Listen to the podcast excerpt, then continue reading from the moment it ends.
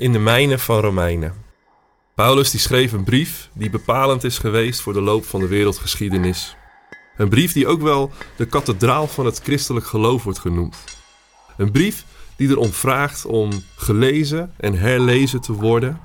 Een brief waar je schatten in kan opdelven, waar je in kan graven en waar je in kan zoeken. Een brief van Paulus, speciaal voor jou.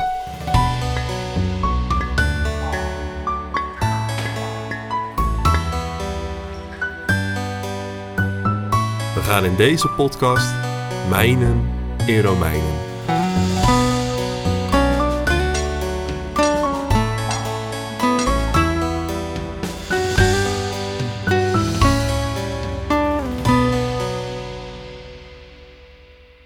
In de vorige aflevering zijn we met Paulus afgedaald in ons onvermogen.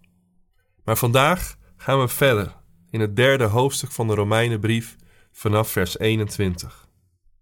Gods gerechtigheid, waarvan de wet en de profeten al getuigen, wordt nu ook buiten de wet zichtbaar.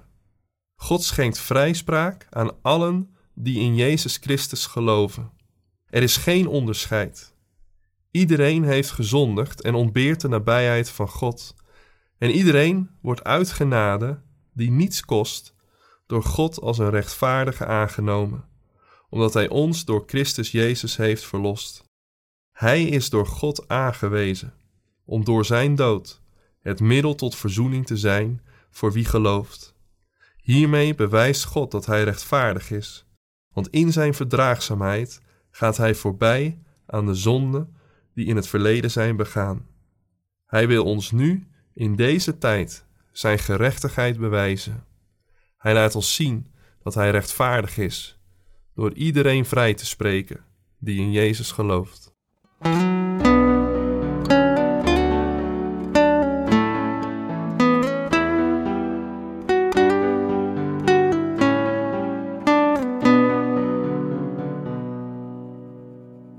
2016 ging bij mij het licht uit. Overspannen, burn-out, hoe je het ook maar noemen wil. Ik sliep niet meer, ik dacht dat ik gek werd. Ik stapte een donkere wereld binnen waar ik ongeveer drie kwart jaar niet meer uitkwam. Na drie kwart jaar werd het wat lichter. Ik begon ruimte te krijgen.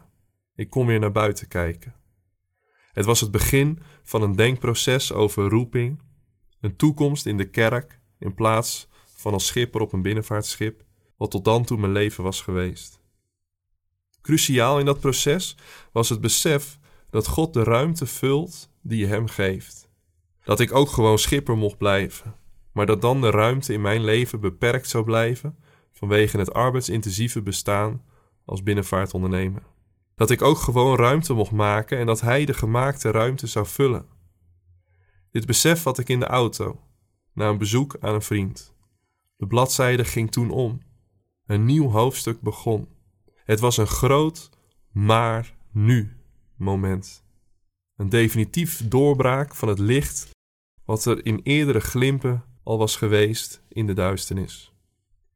De eerste glimp hebben we gelezen in Romeinen 1 vers 17, waar Paulus zei dat het goede nieuws openbaar was, dat God degene die gelooft als rechtvaardige aanneemt.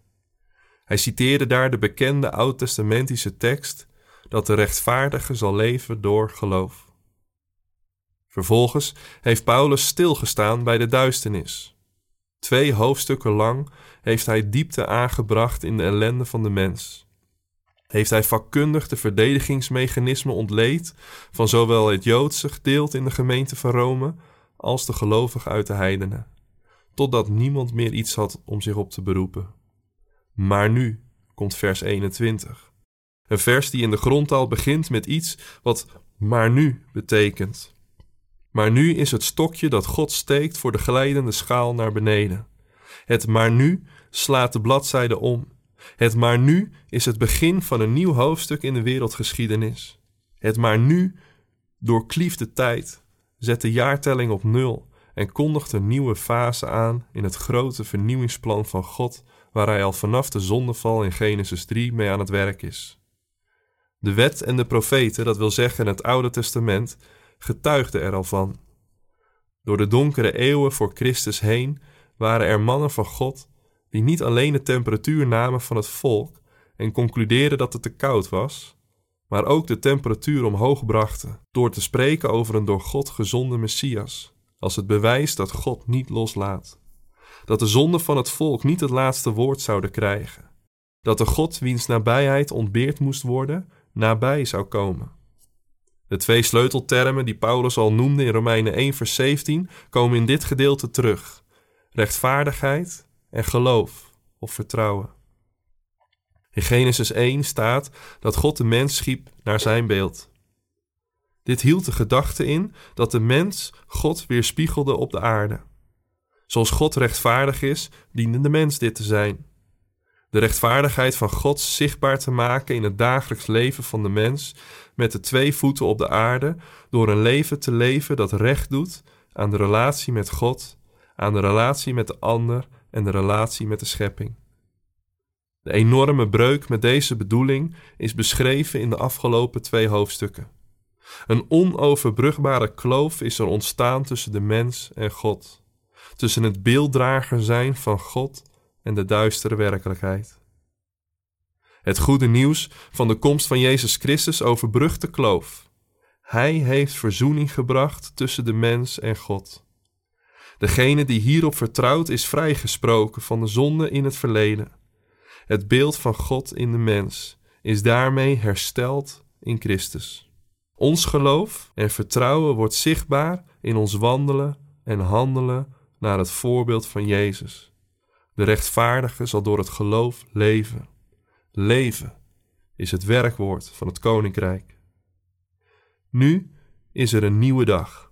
Een nieuwe dag waarin het maar nu van Paulus nog steeds geldt als de genadige werkelijkheid van God, waarin jij mag handelen en wandelen. Maar nu is het verleden niet wat de toon van het heden meer mag bepalen. Maar nu is er een nieuwe werkelijkheid voor jou.